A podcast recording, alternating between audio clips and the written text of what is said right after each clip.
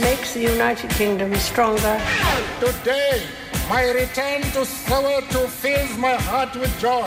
Ladies and gentlemen, welcome to London Heathrow's Terminal 5.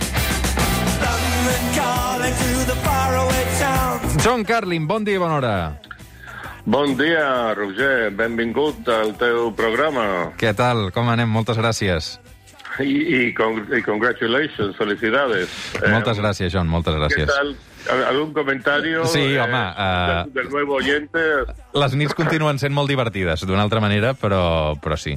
No, ¿Pero estem... le, le- le- gusta el programa o cree que es eh, mejorable? Em consta que hores d'ara l'està sentint. Uh, vull dir que ja, ja fa estona que s'han des, des de les 6 del matí m'han dit que l'està sentint.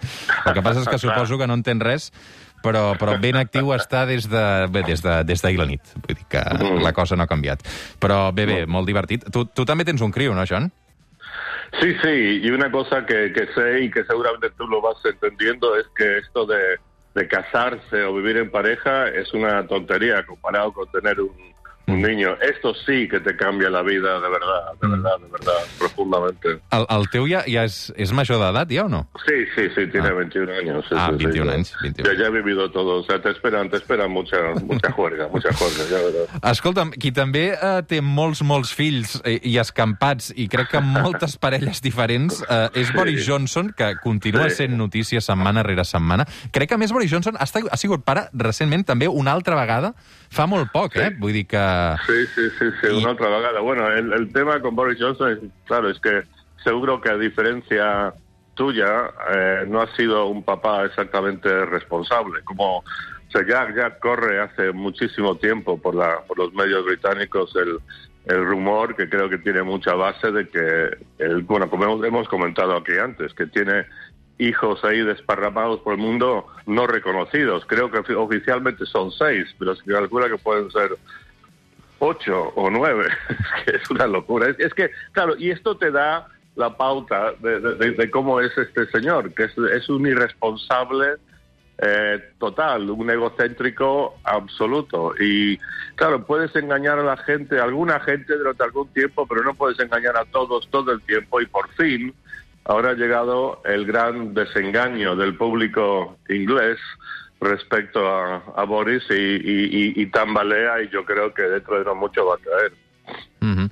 uh, clar, que- l'última notícia que han tingut és aquesta disculpa pública de, de Boris Johnson uh, per justificar que anés a una festa a Downing Street. Això era el maig del 2020, en ple confinament dur, però és que, clar, després Sí. hi ha hagut dues festes més. I, i, i ara sí que sembla que uh, les veus que demanen la dimissió cada vegada uh, són més altes. No sé si realment això pot fer caure Boris Johnson o, o, o d'aquesta també se'n salvarà.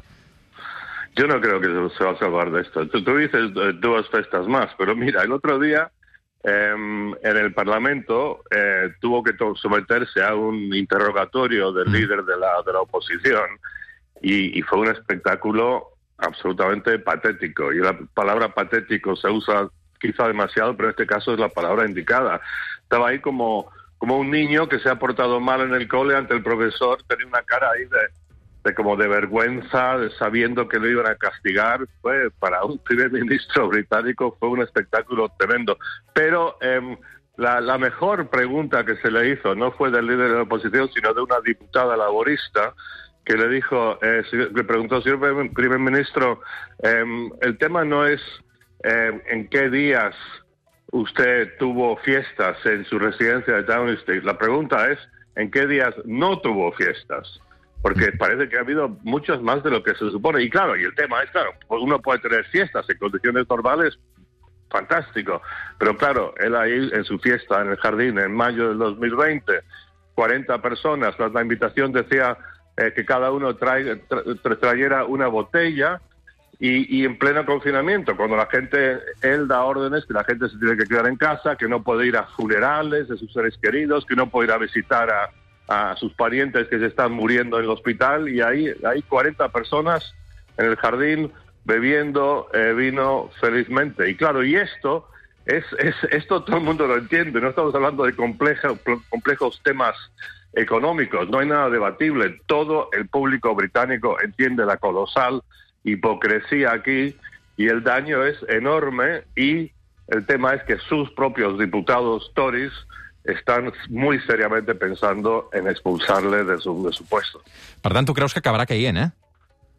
Sí, bueno, yo creo que, yo, mira, es que, que lo, lo que digo yo es, es, es irrelevante, pero yo estoy, he estado leyendo mucho, mucho, mucho la prensa británica estos días, y especialmente y con especial interés la prensa conservadora, de derecha, que siempre ha sido fiel a él.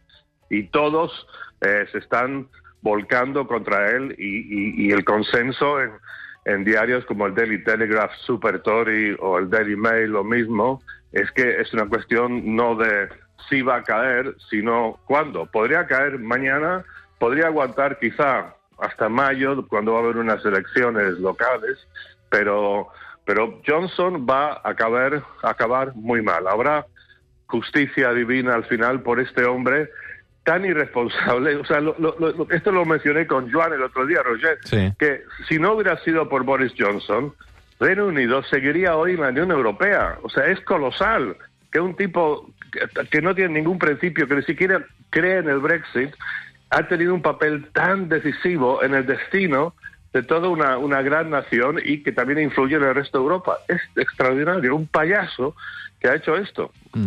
A vegades les caigudes d'aquests personatges, un cop han arribat al, al poder, eh, també acostumen a portar cua, eh?